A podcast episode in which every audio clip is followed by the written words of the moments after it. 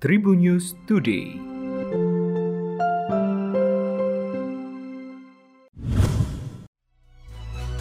Halo Tribuners, berjumpa kembali bersama Memes. Memes akan berbagi informasi untuk kamu dimulai dari berita nasional.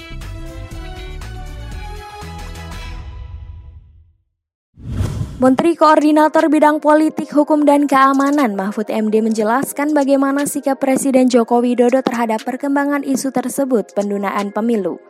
Pemerintah kata Mahfud tidak pernah membahas tentang penundaan pemilu maupun penambahan masa jabatan presiden. Justru Jokowi meminta agar segera ada penetapan terkait tanggal pemilu 2024. Dikatakan Presiden berkomunikasi langsung dengan KPU di Istana Merdeka pada tanggal 11 November 2021 lalu. Presiden menyatakan setuju pemungutan suara dilaksanakan tanggal 14 Februari tahun 2024 sesuai dengan diusulkan oleh KPU dan DPR. Jadi sudah jelas Jokowi telah memastikan tanggal penyelenggaraan pemilu tahun 2024 digelar pada tanggal 14 Februari. Untuk itu Mahfud meminta kepada masyarakat untuk tidak mendesak pemerintahan terkait isu perpanjangan masa jabatan presiden maupun penundaan penyelenggaraan pemilu. Selanjutnya berita regional Tribuners. Nasib pelajar penajam Pasir Utara yang dikirim ke Rusia belajar perkereta apian menjadi salah satu sorotan. Ini menyusul batalnya proyek pembangunan rel kereta api yang melintasi PPU, Kutai Kartanegara dan Balikpapan itu. Kabak Pembangunan Setkap PPU Niko Herlambang mengatakan sejumlah pelajar yang dikirim ke Rusia berasal dari Kecamatan Sepaku dan Kecamatan Penajam. Saat ini para pelajar itu tidak lama lagi akan menyelesaikan masa studi mereka. Harusnya setelah lulus, menurut Niko, mereka yang akan berkontribusi dalam pembangunan rel kereta api yang telah mencuat beberapa tahun yang lalu. Meski batal direalisasikan, Niko Herlambang berharap para ped... Meski batal di Meski batal direalisasikan, Niko Herlambang berharap para pelajar tersebut tetap menjadi bagian dari pembangunan industri kereta api, terutama dalam pembangunan moda transportasi di IKN nantinya.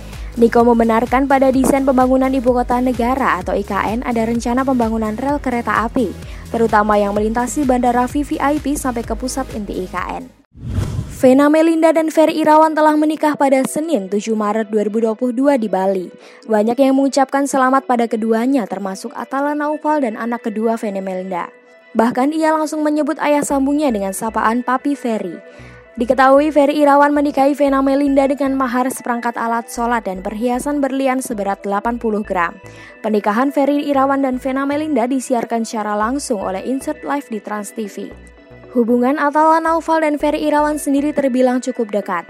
Ferry Irawan sempat menemani Atala Naufal saat menjalani pemeriksaan terkait kasus dugaan penganiayaan Sonon Wong di Polresta Bogor beberapa waktu yang lalu. Berita terakhir dari olahraga Tribuners. Pebulu tangkis Indonesia tengah bersiap beraksi di kejuaraan Jerman terbuka. Seperti biasa jelang pertandingan para atlet terlebih dahulu melakukan tes lapangan. Tak terkecuali pebulu tangkis tunggal putra Indonesia Anthony Ginting serta atlet ganda putra Fajar Alfian. Anthony Ginting menyebut kondisi lampu dan shuttlecock lambat adalah hal yang harus cepat diantisipasi di arena. Ia berharap dirinya bisa langsung menemukan permainan di laga perdana besok. Ia berharap dirinya bisa langsung menemukan permainannya di laga perdananya. Selain lapangan, Anthony pun mesti adaptasi dengan udara dingin yang menyentuh 8-10 derajat Celcius. Sementara itu, Fajar Alfian mengaku singkatnya waktu menjajah lapangan sebenarnya tidak cukup untuk memaksimalkan adaptasinya. Tes lapangan pun ia gunakan untuk melihat silau apa tidaknya dan melihat arah angin untuk laju shuttlecock. Demikian tadi empat informasi terkini yang menarik untuk kamu ketahui. Jangan lupa untuk terus mendengarkan Tribun News Today hanya di Tribun News Podcast Spotify dan YouTube channel tribunnews.com. Memes pamit, sampai jumpa. Tribun News Today.